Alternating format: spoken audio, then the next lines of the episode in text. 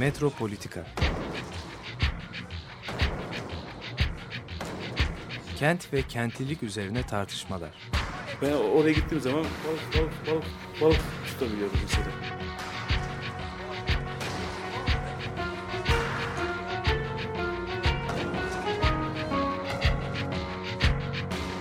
Hazırlayıp sunanlar Aysin Türkmen, Korhan Gümüş ve Murat Güvenç. Takusu yok yani. kolay kolay boşaltamadılar. Yani elektrikçiler terk etmedi Perşembe Pazarı merkezinde. Merhabalar değerli Açık Radyo dinleyicileri. Ee, ben Korhan Gümüş. Ee, sevgili Murat Güvenç de şu anda telefonla bağlantıda. Bir de konuğumuz var. Devrim Tümen. Hoş geldin. Hoş bulduk merhaba. Merhaba. Devrim e, mimar. Aynı zamanda kentsel tasarım konusunda doktorası var. ODTÜ mezunu. E, Murat'ı Murat'ın da öğrencilerinden biri. Evet ders aldım Murat Evet. Hoca'dan. Evet, şimdi bizim bugün değişik bir program yapacağız. Birkaç konuyu aynı anda konuşacağız ve buradan bir takım e, şeyler çıkaracağız, sonuçlar. Ben mesela Kabataş'taki transfer merkezi ile ilgili geçen haftaki tartışmaları izledik. Programa da taşıdım. E, orada e, şey vardı. Aslında metro ile deniz ilişkisinin kurulması anlamlı. Yani Kabataş'ta bir transfer merkezinin e, tasarlanıyor olması, oranın bir takım sorunların bulunması nedeniyle bir tasarım e, faaliyetine girişilmesi, bir müdahalenin gerçekleşmesi aslında anlamlıydı. Fakat e, gerçekleşen tasarım diyelim, mimari proje öyle koşullarda gerçekleşiyor, öyle ışık koşullarda e, tartışılıyor ki e, mesela biz programa taşıdık. Hani eleştiriler geldiğinde herkes anladığı işten konuşsun. Mimar olmayan ve bu işi yapmayan hatta kimse konuşmasın der gibi müellifinin bir açıklamasını gördük. Aslında böyle şeylerde hep böyle bir yani bir taraftan bir gelişme, bir e, değişim ihtiyacı var şehrin. Bir taraftan da e, işlerde bir e, tuhaflık ortaya çıkıyor. Şimdi mesela Boğaz altından bir yaya geçişi gündeme geldi ve bunun ihalesine hazırlanıyor Büyükşehir Belediyesi. Haliç'in altından bir su altı köprüsü gündeme geldi. Hani metro köprüsü fazla böyle boynuzlarıyla falan yıllarca tartışıldığı için bu sefer köprüyü su altına yapma fikri e, akıllarına geldi. E, bu sefer tabii devasa şeyler böyle kavşaklar vesairelerle e, muazzam bir e, inşaat işi gerçekleşiyor ve Tamam bu da bir fikirdir yani suyun altından geçmek. Ama buna öyle gerekçeler sunuluyor ki mesela belediye başkanı şey diyor. Haliç kirliydi işte temizleyecek bu. Yani ta Bedrettin Dalan'dan kalan bir argüman. Sonra bu su altı köprüsünün işte 900 metre uzunluğu olacak, 35 metre genişliği olacak, 44 tane ayağı olacak, 6 şeritli falan. E, suyun altından 8,5 metre aşağıda olacak. Yani bu nasıl temizleyecek o tabii hiç e, tartışılmıyor falan. Buna benzer böyle bir takım e, şeyler e, konuşuluyor. Bunlar da e, yorum genellikle şöyle biz bu projelere karşıyız diyen insanlar var ya da hiç sesini çıkarmayan insanlar var. Fakat yani yorumlanırken biraz hani bu işte bizim kültürümüz, siyaset kültürümüz böyle ne yapalım? Ee, şehrin hali böyle işte yani planlama meselesi olsun, mimarlık konusu böyle olsun. Dolayısıyla biraz kültür gibi gösteriliyor, kültürel bir problem gibi ama bunun şeyinde aslında sadece kültüre bağlamak biraz meseleyi e, yani böyle bir anlatıya dönüştürüyor. Oysa ki iktidar e, şeyinin işleyişi çok daha heterojen mekanizmalarla gerçekleşiyor. Profesyonellerle olan ilişkiler, kurgulama süreçleri, bunun kademeleri, katılımlar, e, işte kimlerin temsil edildiği, kimselerin edilmediği. Yani bu o kadar basit bir siyasi tercih değil. Arkasında kurumsal işleyişler var. Bu açıdan baktığımız zaman e, biraz e, bu programda bu şehrin böyle bir yumuşaklık kazanmasını, bir oyun çamuruna adeta dönüşmüş olmasını sağlayanın sadece bir siyasi tercih değil, aslında iktidar ile profesyonel mekanizmalar arasındaki ilişki olduğunu, e, hatta bazen e, aktörlerin hem hakem hem oyuncu olduğu bir futbol maçına dönüştüğünü işin, yarışmaların pek fazla bir anlamının kalmadığını e, gözlemlediğimizi mesela Yeni Kapı örneğinde olduğu gibi bunları konuşalım istedik Devrim Çimen'i konuk alarak. Murat'ın da belki söyleyecekleri ya da soracakları olabilir. Ben Evet. böyle bir giriş yaptıktan sonra e, sözü ilk önce Murat'a sonra da size devredeyim.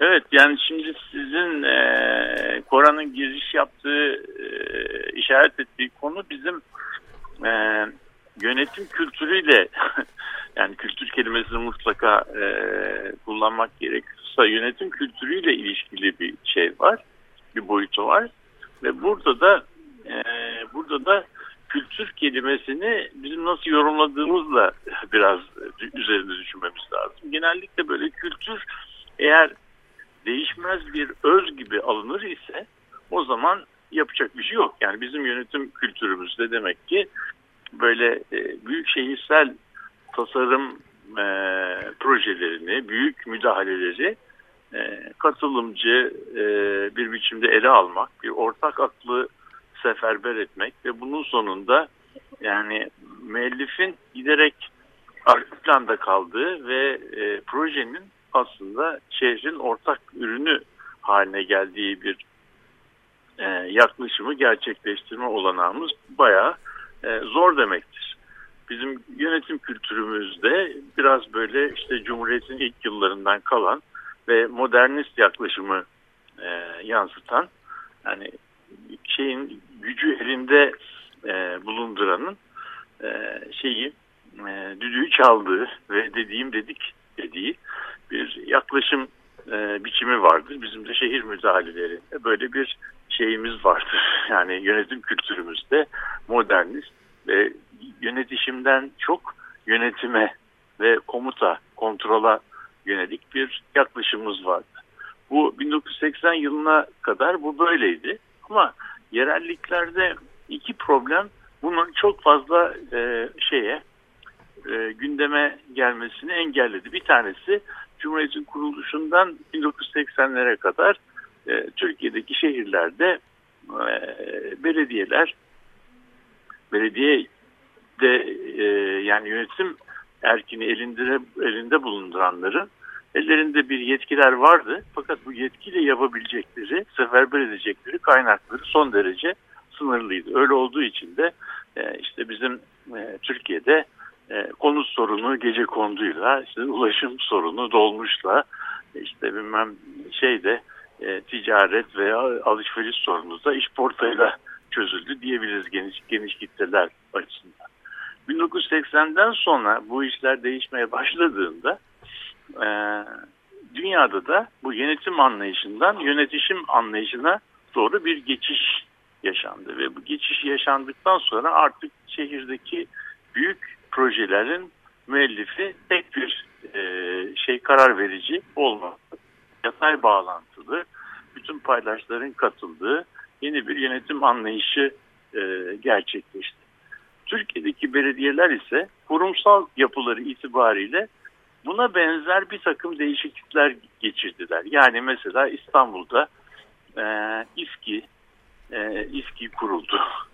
E, İETT gibi yani tarihi bir şeyi biraz böyle bir e, özelleştirme ve halk otobüslerini e, bir e, kamu özel ortaklığı şeklinde çalıştırmak, imar, konut, e, halk ekmek gibi işlerde özel sektörün e, katılımıyla belediye müdahalesini bir araya alan e, yeni bir e, yönetim e, şeması gelişti. Fakat şimdi tekrardan e, Koran'ın anlattığı noktaya geri gelelim. O yönetim kültürü, geçmişten gelen yönetim kültürü yani e, şeyin e, başkanın tek karar verici olduğu yönetim kültürünün yerine e, yeni ve katılımcı bir kültürü ikame etmek pek e, mümkün olmadı. Ankara'da, İzmir'de, bazı yerelliklerde bazı istisnai durumlar var. Benim söylediğimin e, yani e, tersini söyleyen ama e, genel e, eğilim bizde yani yönetsel olarak, idari yapı olarak yönetişime yakınlaştıkları ölçüde karar sistemi üzerinden e, yönetişimin gerektirdiği katılımcı ve çoklu ve yatay e, karar sistemlerine geçemedik. İstanbul'da da senin söylediğin ulaşım bağlantıları, işte terminal noktaları, transfer noktalarının ta- tasarımında ki bunlar hepsi gerekli müdahaleler onları çok doğru söyledin. Ama onun nasıl yapılacağı, nasıl hayata geçirileceği konusunda büyük zafiyetlerimiz var. Şimdi konuğumuz bize bu konuda belki daha e, ayrıntılara girerek açıklamalar yapabilir. Evet. Devrimde uygulamanın daha içinde olduğu için bizden daha fazla Evet, da evet, bilgili. Evet. Belki detaylar konusunda da bize yardımcı Evet. olacaktır. E, Şimdi tabii e, e, Murat Hocam güzel özetledi. Yani modernleşme süreçleri, modernleşme pratikleri.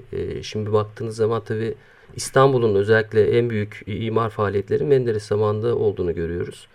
Ama Menderes aslında bu bunların altlığını miras olarak almıştı. Yani Prost'tan Tabii, hatta belki Osmanlı'dan gelen büyük bazı projeleri miras olarak almıştı ve aslında o bir uygulayıcıydı. Yani mevcut olan bu vizyonun, bu çerçevenin çizilmiş olan bu kentsel e, müdahale e, biçimlerinin e, uygulayıcısı durumundaydı. Bunu e, ortaya koyan, bu vizyonu yaratan kişi değildi aslında.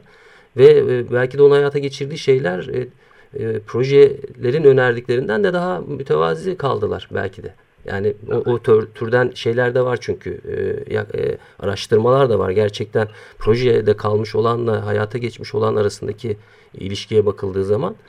Şimdi bu döneme geldiğimiz zaman e, aslında e, bu bu türden bir e, daha rasyonel bir temeli olan bir modernleşme projesinden daha çok aslında kervanın yolda dizildiği ve mevcut bu belki siyasi ve ekonomik ilişkilerin güdülediği bir aslında vahşi de diye- diyebileceğimiz bir kente yaklaşımın söz konusu olduğunu söyleyebiliriz. Yani bunun e, çok rasyonel bir e, geri planı olduğu yani bildiğimiz anlamıyla rasyonel bir mod- e, planlama e, pratiğinin getirdiği bir şey değil.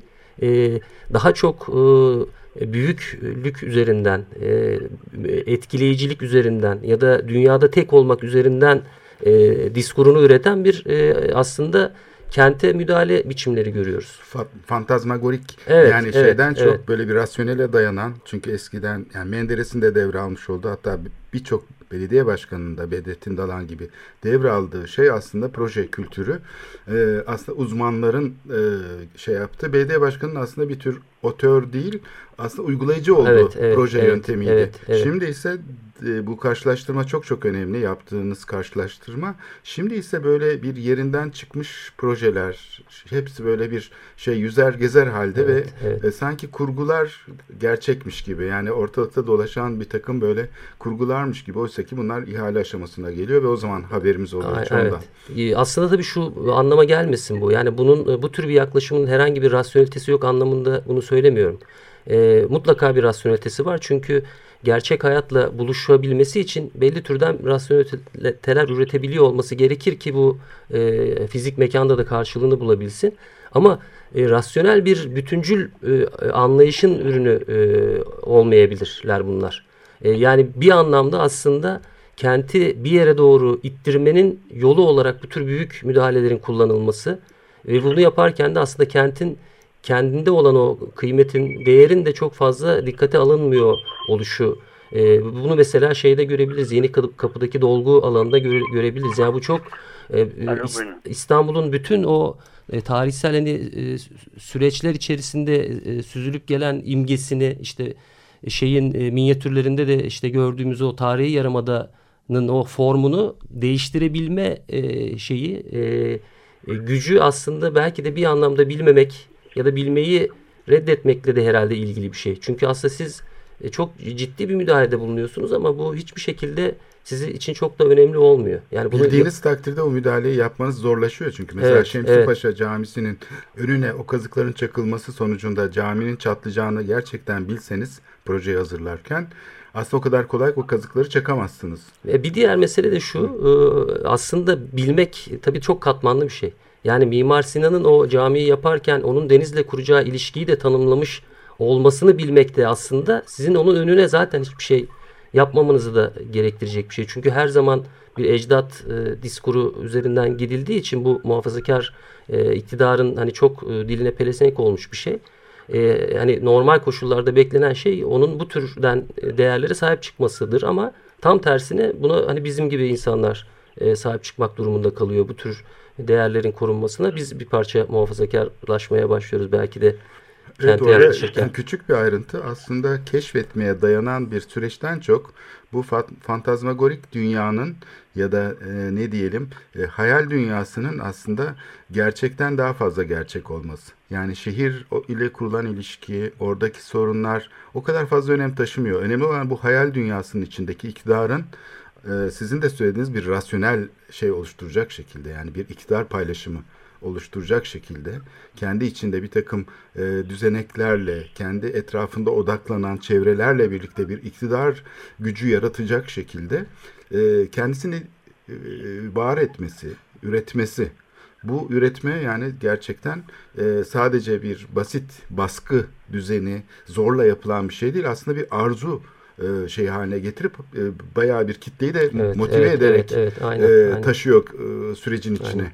E, mimarlar mesela değil mi? Şehir plancıları bu kadar yani şehirde muazzam bir şey e, izlenirken hani seslerini çıkarmadan sürecin içinde işte şehri planladıklarını söylüyorlar. Ankara'da bir takım ihaleler var.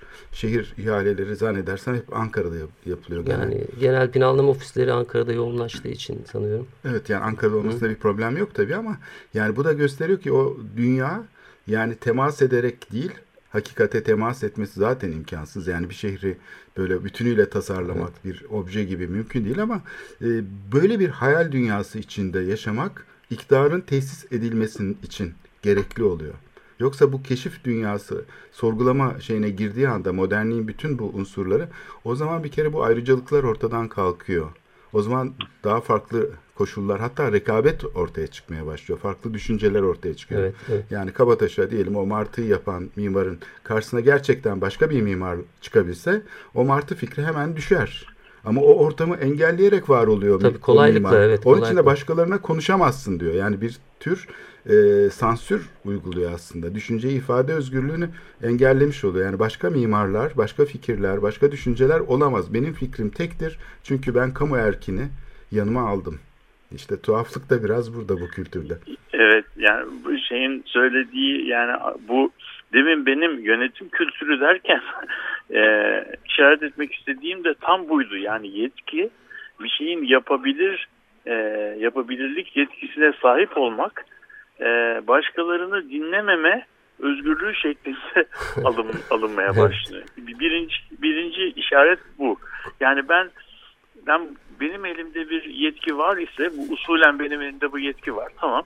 E ben bunu yani yetki var ise o zaman ben bunu kullanırım ve bunun e, alternatifini düşünmek zorunda değilim gibi bir yaklaşım oluyor. Şimdi bu esasen tam da bizim yani e, yönetişim e, diskurunda, yönetişim anlayışında aşılmak istenen e, yaklaşımın ta kendisi. Çünkü yönetişim şunu söylemek istiyor ki yani esasen ne kadar uzman olursanız olunuz bir projenin gerektirdiği bilgilerin tamamına sahip olmadığınızı e, peşinden e, teslim etmelisiniz. E, şey ilkesinden hareket ediyor. Yani e, bu bakımdan da modernist yönetim e, kültüründen ayrılıyor. Modernizmde e, şeyin Korhan'ın söylediği gibi yani Park Bahçeler Müdürü'nün e, peyzajla ilgili bütün ilimlerin tamamına hakim olduğunu ve bunların kamu e, yararına kullanmanın e, bilgisine de sahip olduğu varsayılır. Ama yönetişim bunun böyle olmayacağını, olamayacağını teslim ederek şeye başlıyor, noktaya başlıyor. İşte bu tasarım meselesine girdiğimizde, tasarım meselesine girdiğimizde bu modernist yönetim kültürünü planlama projelerine bu şekilde e, şey yapmak, uygulamak e, yani e, çok anakronik bir şey oldu. Yani içinde bulunduğumuz zamanın ruhuna aykırı bir yönetim anlayışı e, sergilemiş oluyoruz diye düşünüyorum.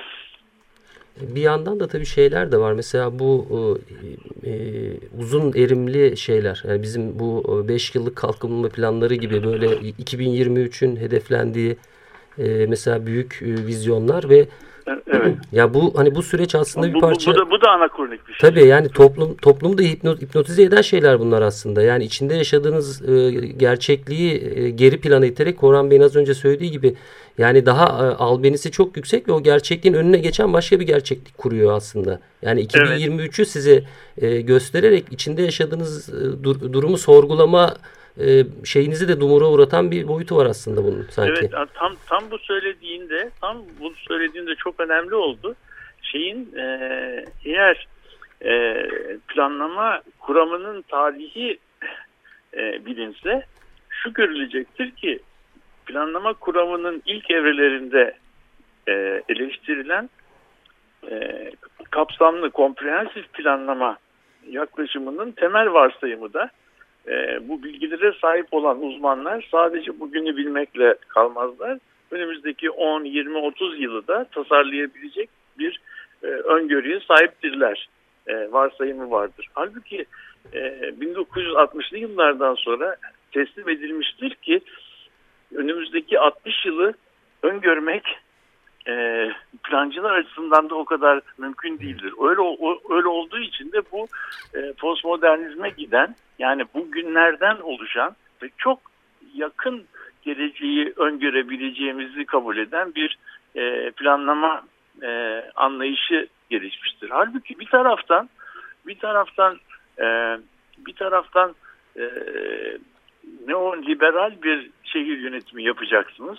Onun üzerine de modernizmin çok uzun vadeli e, planlama perspektifini ele alacaksınız.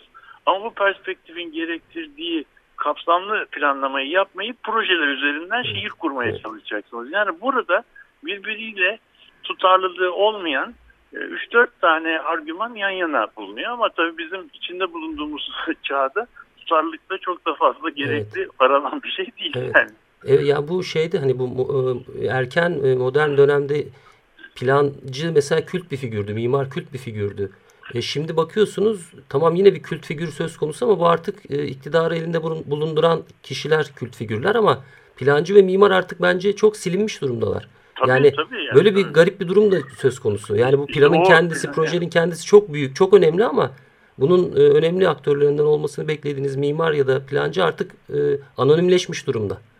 İşte o o şeyin arkasına saklanan iktidar e, Koran usulü iktidarın e, kalkanının arkasından E, şey yapan işini gören Evet. e, erişilmez e, ve de hesap vermez bir aktöre dönüşüyor. Evet. Öyle olduğu zaman da aslında toplumsal saygınlığı ve şey de yok. Yani çünkü Evet. o işi ancak o iktidarın sağladığı güç kalkanı arkasından yapabiliyor. Evet, yani yani, böyle- o Martı böyle bir- projesi ancak böyle Yani. Taksim'deki Tabii, kışla da evet. öyle. Taksim'deki kışla projesini gerçekleştiren mimar serbest bir mimarlık ortamında mı gerçekleştirdi acaba? Yok. yok. Yani ona verilen talimatla gerçek bir ihale yapılıp ihaleyi de onun alması sağlanarak yaptı. Bunu herkes biliyor. Ama bunu kimse söylemiyor. İşin tuhaf tarafı şu. Herkes e, nesneyi eleştiriyor. Mesela projeyi eleştiriyor. Martı'yı eleştiriyor. Kışlayı eleştiriyor. Bunları eleştirmek tabii şey görünen yani bir doğruyu göstermek. Ama o doğru başka bir şeyi saklıyor. Onun arkasındaki profesyonellik mekanizmalarını saklıyor. Asıl konuşulması gereken daha ondan birkaç sene önce belki 5 sene önce belki 3 sene önce o ilişkilerin zaten tekrarlandığını görüyoruz. Bütün iktidar e, şeyin çevresindeki odaklanan mimarlık işlerinde bunun zaten süreklilik gösterdiğini görüyoruz. O zaman sadece Taksim Kışlası için ya da Martı projesi için değil. Bunların tümü için aslında daha soyut, tek tek konulara dokunmayan bir takım şeylerin bir sivil toplum kamu ilişkisinin e, meslek odaları tarafından gündeme alınması lazım. Yani bu işlerde bir takım hakemlik mekanizmaları gerekiyor. Özellikle yaratıcı süreçler böyle siparişle e, işte iş görsün diye böyle torba yasa gibi torba ihalelerle evet, gerçekleşecek evet, bir iş değil. Bunu herkes biliyor. Fakat e, bilmiyormuş gibi yapıyor. Yani bu Evet. tarafına kimse dokunmuyor ama hani ben yapsam o projeyi daha iyi yapardım diyen çok oluyor. Evet yani şeyler oldu. Bunu e, mesela bundan 5-6 yıl öncesinde ona işte tonla proje e, ihale etmek e, demiştim ben. E, yani işte bi- binlerce metrekare meydan, binlerce kilometre e, cadde düzenlemesinin mesela bir kalemde büyük firmalara verilmesi ve bunun parçalara ayrılarak alt e, tasarım ofislerine dağıtılması gibi. Yani sanki bir seferberlik halindeymişiz gibi. Yani bir, Birinci Dünya Savaşı ya da İkinci Dünya Savaşı'ndaymışız da bütün toplum bir seferberlik halindeymiş gibi bütün bu sorgulama düşme mekanizmalarını bypass eden böyle çok büyük büyük lokmalar halinde tasarım işlerinin dağıtılması gibi bir şey gündemdeydi. Yani bu tür bir toptancı yaklaşımla bakıldığı zaman kent de zaten artık çok da önemini yitiriyor. Yani bu İstanbul'da olabilir, e, Ankara'da olabilir. E, ama diskura baktığınız zaman da bir yandan da İstanbul'u dünyanın en e, e önemli şehri, en gözde şehri yapacağız diskuru da var. E, ama bununla giden yola baktığınız zaman bunun tam tersini görüyorsunuz. Toptancı bir yaklaşımla oraya herhangi bir yer gibi e, yaklaşmak da söz konusu. Yani e, Murat Hoca'nın dediği bu anakronik mesele aslında hem zamansal e, çakışmamazlık durumu var hem de bence fikirsel anlamda da çok kopuk kopuk ve parça parça bir bütünlük arz etmeyecek yaklaşımlar evet. söz konusu. Evet. Evet yani bence bu bu değerlendirme çok e, doğru ve e, olayı kalbinden yakalayan bir şey oldu. Yani e, şeyin zamanın ruhu e, proje proje gitmek e, gerektiriyorsa o zaman 2023 gibi çok büyük bir master böyle evet, makro evet, planların evet, evet. bağlayıcılığına ideolojik bilmem şeyinin kalkanının arkasına saklanmaya gerek yok. Yani ama e, bir taraftan neoliberal ve yönetişimci öbür taraftan da bunun üzerine eğreti olarak giydirilmiş bir e, kapsamlı planlama kavramlarından evet, evet. söz ediyoruz ve bu şey yani bu anakronizm e, aslında bir e, nasıl diyelim e, ideolojik olarak tutarsız ama siyaseten çok getiri şey, düzeyi şey, yüksek evet. bir yaklaşım haline geliyor ve bunu düşünmemiz lazım. E, bir de bugün geçtiğimiz e, Korhan belki e, bugünkü e, gazetelerde e, görmüş olacaktır.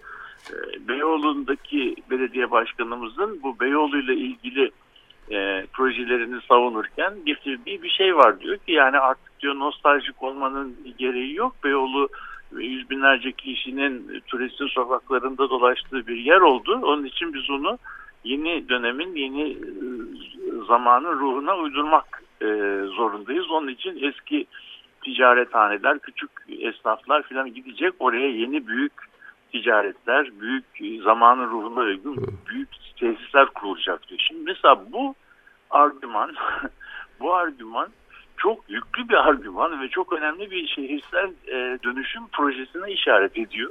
Ama bu projenin e, herhangi bir yerde bir şeyi yok, onayı yok. Belediye başkanının kendi fikirlerinden şey yapıyoruz ve dünyada baktığımız zaman yani Londra'nın merkezi evet bazı gelişmeler var ama olduğu yerde duruyor. Londra'nın merkezindeki dükkanları yıkıp yıkıp onların yerine AVM yapılmıyor mesela.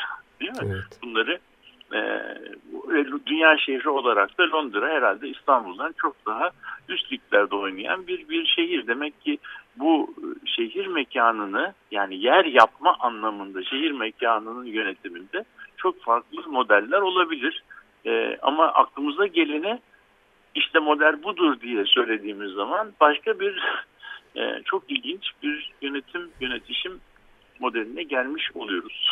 Ben e, öğrenciyken e, lisede, ortaokulda e, biraz böyle yabancı dil öğrenirim diye şeyleri e, okula gelen misafirleri gezdirmek e, için hocalar görev verirlerdi. Ben de üstlenirdim. O zaman hep şaşırırdım. Yani bu yabancılar niye gidip de şehrin kargacık burgacık işte tahta kalesinden falan geçmek istiyorlar. İlla da niye gidip de Bağdat Caddesi'nde dolaşmıyorlar falan gibi. Ee, şimdi belediye başkanının söylediği de biraz böyle olmuş. Evet. Yani şey, her yeri Bağdat Caddesi yapacağız. Yani şehrin e, zaten o karmaşıklığı içinde eğer bir şey varsa ilişki kuruyor insanlar o ağlara katılıyor. Onu dümdüz edip yani böyle bir şey etrafında bu heterojenliği yok edip onu tek bir obje gibi yani işte Diyarbakır biblo yapacağım turistler gelecek evet, demek evet. gibi bir şey. Ee, imkansız bir şey istemek aslında. Yani biraz e, tuhaf ama yani benim üzerinde durmak istediğim konu belki programın ikinci yarısında biraz o tarafa da kayabiliriz. Şehrin tıpkı terzinin yaptığı bir iş gibi yani bir kumaşı biçip elbise dikmek gibi böyle bir şey kazanması, hüviyet kazanması. Yani bu siyasi söylem e, bunlara performatif söylemler mi deniyor? Yani e, sadece bir durumu tespit eden söylemler değil, aynı zamanda bir durumu oluşturan sözler. Tamam. E, tamam bak bu- bunu e, evet bunu şeyde ikinci e, Evet. kısımda tartışalım da e, ben sana burada söyleyeyim yani mesela şehrin nasıl olması gerektiği konusunda bir ideoloji e, ortaya koyan, vaaz eden e, plancıların başında mesela bizim e, e, şey Le Corbusier'i, Frank Lloyd Wright'ı falan gibi insanları saymamız gerekiyor. Onlar sadece şehire e, katkı e, yani bir mekansal bir, e, tasarımlarıyla katkı yapmakla kalmıyorlar. A- aksine tersine onun ötesinde şehirsel yaşamın nasıl olması gerektiği konusunda da bir norm ortaya koyuyorlar. Le Corbusier'e göre mesela sokak dediğimiz şey kötü bir şey. Ortadan kalkmalı. Onun yerine ne Evet. bileyim, büyük caddeler almalı. Şimdi bu böyle bir norm söylüyor ama bunun bu yetkiyi nereden alıyor? Sanatından alıyor, şöhretinden alıyor, bir şeyinden alıyor, öneriyor. Şimdi bunun içinde yaşadığımız dönem bu yaklaşımın kendisinin aslında toplumsal karşılığın olmadığını ve değiştirmesi gerektiği, bunun nasıl diyelim bir karşılaş, karşılanması gerektiğini söylüyor. Halbuki bizim yöneticilerimiz oturdukları mekandan e, o mekana gelmiş olmanın verdiği rahatlıkla bir şehre bir e, senin söylediğin gibi şehri bir plasterin gibi ele alıp ona bir şekil vermek, nasıl olması gerektiği konusunda normlar koymak ve nelerin olacağını, nelerin olmayacağı konusunda da şeyler e, kısıtlayıcılar koymak özgürlüğünü kendilerinde buluyorlar. Görevlerinin bu olduğunu düşünüyorlar. Hatta Düşünüyorlar. Bunu yani- yaptıkları zaman evet. evet. Siyasetçilerin yani bu şey aklı üretmek e, şu konusunda hep kendilerini bir şey altında baskı altında olduklarını görüyorum. Mesela Kültür Bakanı mutlaka işte heykellerin nasıl olacağına karar verecek. Kültür Bakanı ne tür müzik eserlerinin üretileceğine karar verecek. Ne tür sinema eserleri yapılacak. Yani Kültür Bakanı olunca bilmek zorundasın bunları. Yani sanki böyle. Ve işte şey de belediye başkanı da mimar olacak yani her şeyden önce. Böyle böyle bir bilgi yok ama yani buna buna felsefede omniscient diyorlar. Yani bütün bilim, ilimlerin bütün e, şeylerine şıklarına hakim olan bir bilgi küpü, malumat e, e, şeyi e, denizi. Böyle birisi yok. Böyle bir böyle bir şeye imkan da yok. E, olmayacağını da teslim ediyoruz. Yani o zaman şehre müdahalede de çok daha ihtiyatlı ve çok daha ölçülü olmak gerekir diye düşünmek gerekirken Evet bu olmuyor. yaptığımız- Evet, Tam tersini yapıyoruz. Evet, bunun pek e, günümüzün E, şeylerine eskiden- uymadığını. evet. Madem yani ki eskiden de eskiden de yapılabilirdi belki Evet, buna evet. benzer o kültürde. Ama o zaman e, şeylerin elinde, yöneticilerin elinde çok büyük e, kaynaklar yoktu ve onlar çok sınırlı kaynaklarla müdahale e, etmek zorunda kaldılar. Tabii müdahaleleri de çok ölçülü oldu. Halbuki şimdi, şimdi İstanbul Belediyesi'nin kontrol ettiği bütçeler birçok bakanlığın bütçesinden de fazla. O yüzden yani şeyler, bu tür e, fikirler, bu tür öngörüler, im- imgeler, ha- muhayyeleler neredeyse hızla projeye dönüşüp e, hayata geçebiliyor. Evet biz evet, e, e, bi- biz biraz e, nefes alalım isterseniz Evet. müzikle. E, Evet. Tabii e, belki de gelecekte her belediye başkanı şehri yeniden yıkıp yeniden yapacak. Benim dönemimde İnşallah işte bu benim. İstanbul'um diyecek. Ondan sonra bir daha seçim olduğunda yeni bir belediye başkanı gelecek. Onların hepsini yıkıp diyecek bu da benim İstanbul'um. İnşallah, Ona inşallah doğru. olmayacak. Aman aman. Faust'tan dinliyoruz. Why Don't You Eat e, Carrots isimli parçayı.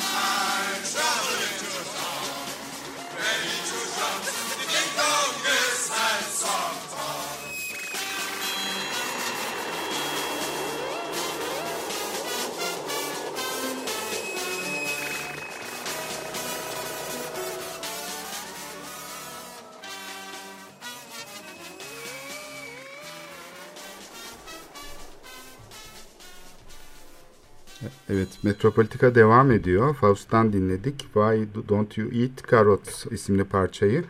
Konu konuğumuz Devrim Çimen. Ee, mimar, kentsel tasarım e, uzmanı. Evet. Merhaba tekrar. Ee, Murat Güvenç de mikrofonda. Evet, geç, e, programın son bölümüne geldik. Burada biraz şey dedik. Hani Chantal Mouf'tan biraz esinlenerek belki söyleyebiliriz. O sanatçılar için söylüyor e, kamusal alanla ilişkisi diyor. Kamusal alanı kullanmak değil diyor sanatçının işlevi. Kamusal olana yol açmaktır diyor. Çok enteresan evet. bir tanım bu. Yani kamusallığı aslında profesyonellerin bir bakıma oluşturduğunu, bunun siyasetçinin tek başına bunu yapma kabiliyetinin de pek fazla olmadığını söylüyor. Biz de demin bir takım örnekler üzerinde durduk. Mesela Taksim Kışlası gibi ya da işte Kabataş'taki Martı gibi.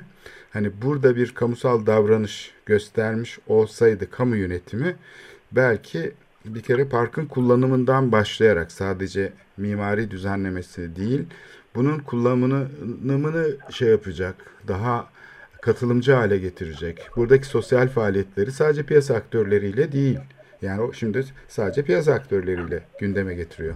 Siz de dediniz ki yani burada e, bir tuhaflık var çünkü kapalı çalışıyor bu mekanizma. Bu bilmeme hali evet. aynı zamanda bu asimetriden kaynaklanıyor. Çünkü kimsenin bir fikri yok.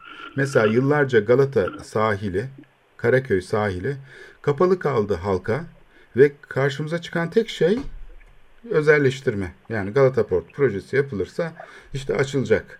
Ya burada tabii bu fikir geliştirme süreci yani kamu kararlarının içeriğini oluşturan plan ve projelerin aslında doğrudan doğruya yatırımcılarla e, eşitlenmesi, onların fikirleri olarak sunulması söz konusu.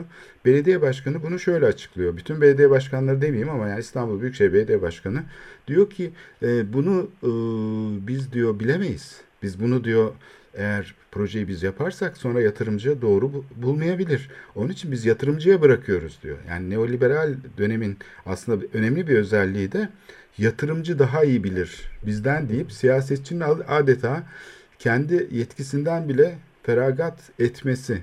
Ben bunu beceremem, yapamam itirafı. Evet. Oysa ki yani tam tersine o kamusal süreçleri güçlendirecek olan katılım e, bu işin piyasa aktörlerine devredilmesinden önce gerçekleşmek zorunda ki kamusal nitelik oluşabilsin.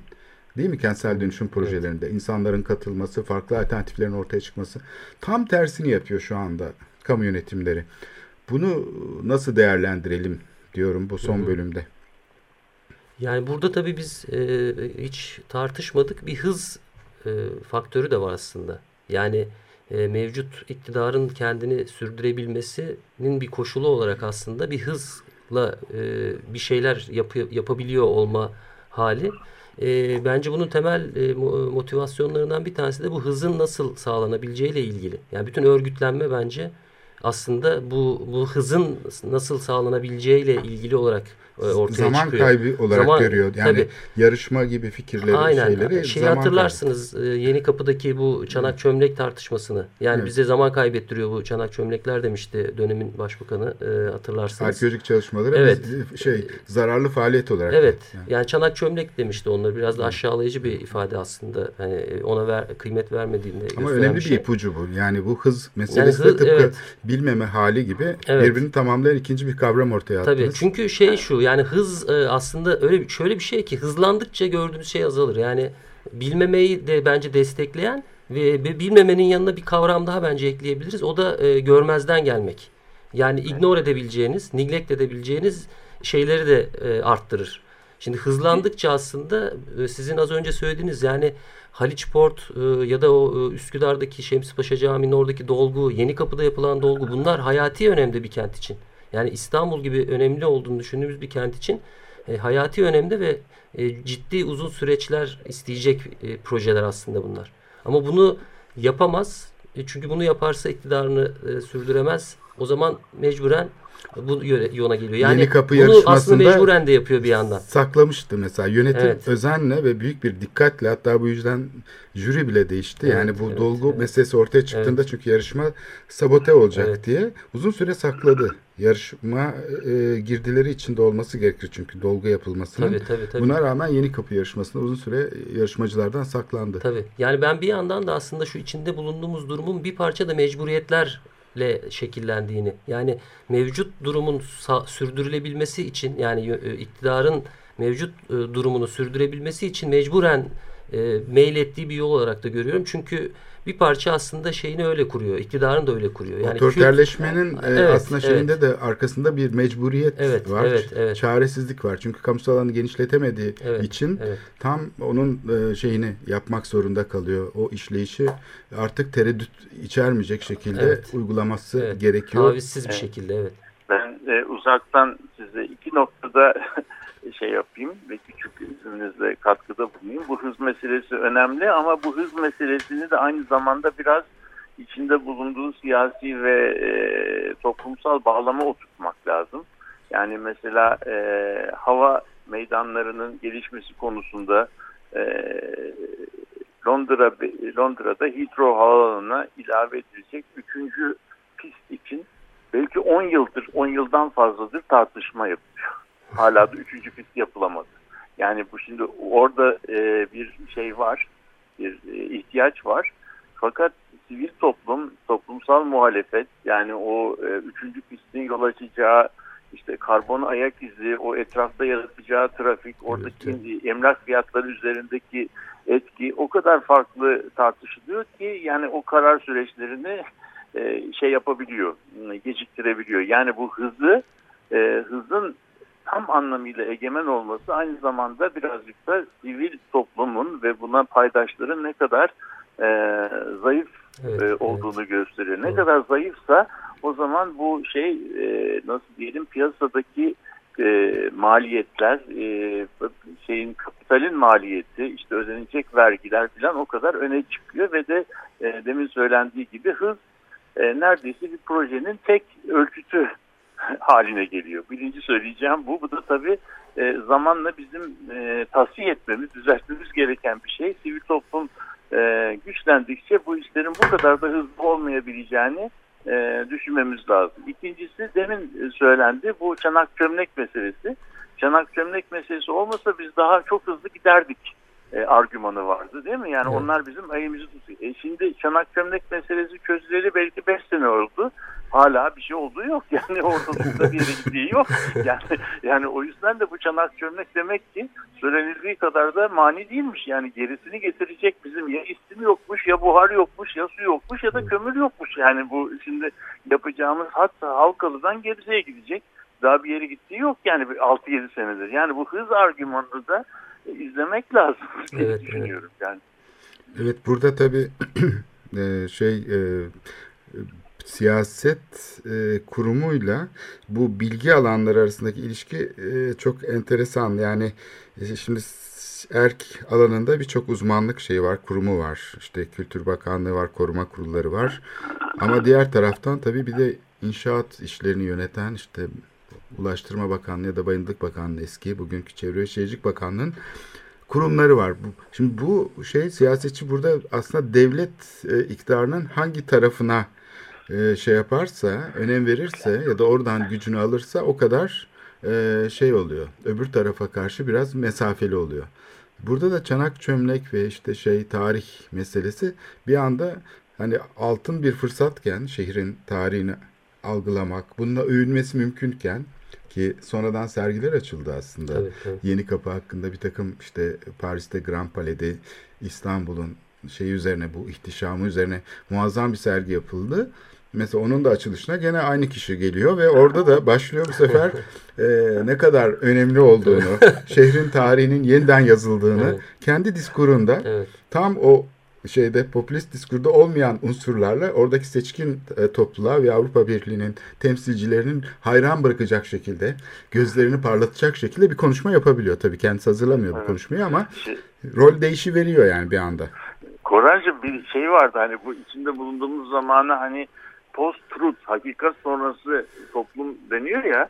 Bu senin işaret ettiğinde de belki bizim post tutarlılık diye bir şey var. Yani yani hakikat değil de tutarlılık Evet. aranmıyor yani Evet. aslında öyle de oluyor böyle de oluyor. Yerine göre yani Yerine göre evet. Yerine göre. Çok yani izleyici kitlesini tatmin etmek gerekiyor. Onun için Evet. şey göstermek gerekiyor. Özen Evet. göstermek gerekiyor. Bu da bir tür katılımı önemsemek. evet. Evet, devrim e, belki son söyleyeceği bir şeyler vardır. Özellikle bu e, şey çok önemliydi çok son getirdi. konuşturmadık devrimi. Evet. Yo hocam Bir daha başka bir programda belki ben de.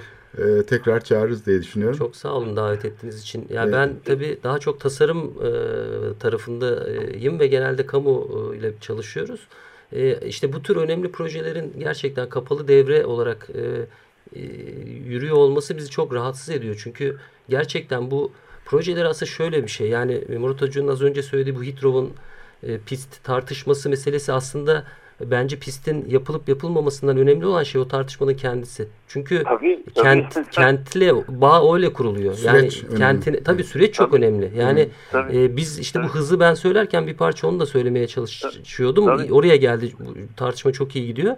E, yani sürecin kendisi e, e, değersizleşmeye başlıyor. Çünkü onu siz bypass ediyorsunuz.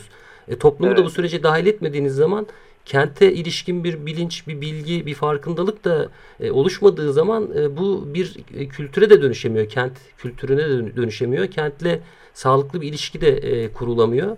E, ve birbirini böyle sürekli zayıflatan bir şey olarak bu iş devam ediyor. Ama bunu bir yerde kırılıyor olması gerekecek diye ben düşünüyorum. Çünkü Evet. kente sahip çıkmanın başka yolu da yok. Yani kenti yaşamadan kente sahip çıkmak çok kolay değil hakikaten. Yani ben ben son olarak e, devrimin söylediği bu son nokta çok önemli. Aynı zamanda tasarım, sanat, yaratıcılık açısından da çok önemli. Çünkü tasarımcının e, eserinin değerlendirmesinde kullanacağımız ölçüt tamamen yani sadece ve münhasıran estetik veya bana güzel geliyor, çok şahane olmuş değil. Bu eser hangi kısıtlayıcılar altında e, hangi toplumsal çerçevede nasıl hangi Evet. süreçlerde elde edildi? Evet, evet, çok o, önemli. O, o, e, eser aslında değerini e, onun üzerinden kazanıyor. Yani mesela e, Frank Lloyd Wright'ın e, çok e, sınırlı bir bütçeyle Florida'da yapmış olduğu bir kampüs var. E, bu kampüs çok sınırlı bir bütçeyle yapılmış. Öyle muazzam e, şeylerle yapılmamış. E, nasıl diyelim e, malzemelerle çok e, büyük böyle şık ve en yüksek kaliteli malzemeyle yapılmamış. Ama ona rağmen e, bugün herkes üzerinde en fikir ki o bütçeyle böyle bir şey yapmanın kendisi bir Evet. e, bir büyük e, sanat haline geliyor. Yani sanatçının çözdüğü problemin anlaşılabilmesi için bizim kısıt- kısıtlayıcının ne olduğunu Evet, bilmemiz lazım. önemli. Çünkü bugünkü bugünkü şeyde biz kısıtlayıcısı olmayan projeler e, yapmakla meşgulüz. Bu da bu da zannediyorum projenin kendisini ve müellifi de değersizleştiriyor. Yani Evet. o yüzden e, o Çok yüzden önemli hocam bir- bu söylediğiniz. Yani bu İller Bankası tartışması mesela özellikle işte çirkindi yıktık Evet. Tartışma. evet. Ya tam bu söylediğinizle bence ilgili. Ya yani AKM bağlamından içinde. kopararak AKM Evet, içinde yıkalım, hakeza. Sonra düşünürüz. Evet. Bir yarışma mı evet, yapacağız? ne evet, yapacağız? evet. Evet. Yani Ankara'da Ankara'da e, Ankara'da yapılan e, bu hızlı tren e, istasyonunu düşünelim. Yani bu bu istasyonun hızlı tren e, e, bir gar ihtiyacıyla ne alakası var ki? Hızlı tren orada aslında oyuncak gibi kalmış. Yani Evet, evet, evet. Evet, yani bu e, biz bu kısıtlayıcıları ve e, çerçeveyi düşünmeden eseri e, eser olarak ele aldığımız zaman büyük yanlışlara doğru gidiyoruz gibi geliyor. O eseri de bence devalüe etmiş oluyoruz. Müellifi de müellifin ölümü de birazcık bundan oluyor diye düşünüyorum Evet. yani. Hem sanatın hem mimarlığın hem de müellifin Evet, evet. hep birlikte ölümleri bu aslında. Dramatik Evet, bir bitiş evet. Çünkü bence Evet. bir programı daha hak ediyor bu tartışma. Evet, Ee, evet. Müellifin ölümü meselesi e, gerçekten temsil meselesi bu tasarım meselesi ve buna dahil olduğu sürece dış gerçeklik e, anlamsızlaşıyor. Ve o zaman hiçbir sorun kalmıyor. Hayal dünyamızda her şeyi şiddetle uygulayabiliyoruz. Evet, Evet. dış gerçekliğe ulaşma imkanı zor, imkansız hatta yani bir şehri tasarlayabilmek, ihtiyaçlarını kavrayabilmek. Ama her zaman onun farkında olmak önemli. Yani modernlik aslında böyle bir şey. Ee, şey özgürlüğü değil yani tasarımın o sembolik faaliyetin kendisine ait bir e, yetki, bir iktidar gücü değil.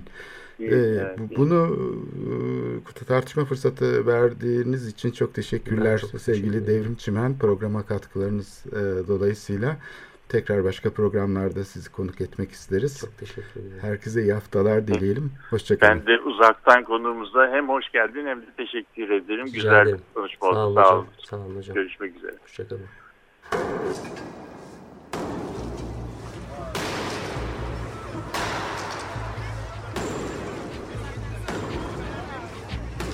Metropolitika Kent ve kentlilik üzerine tartışmalar. Ben oraya gittiğim zaman balık balık balık balık tutabiliyorum mesela.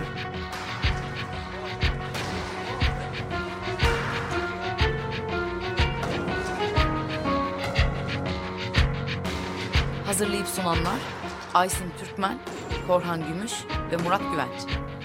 Takusuyor ki. Kolay kolay boşaltamadılar. Yani elektrikçiler terk etmedi Perşembe Pazarı merkezini. Açık Radyo program destekçisi olun.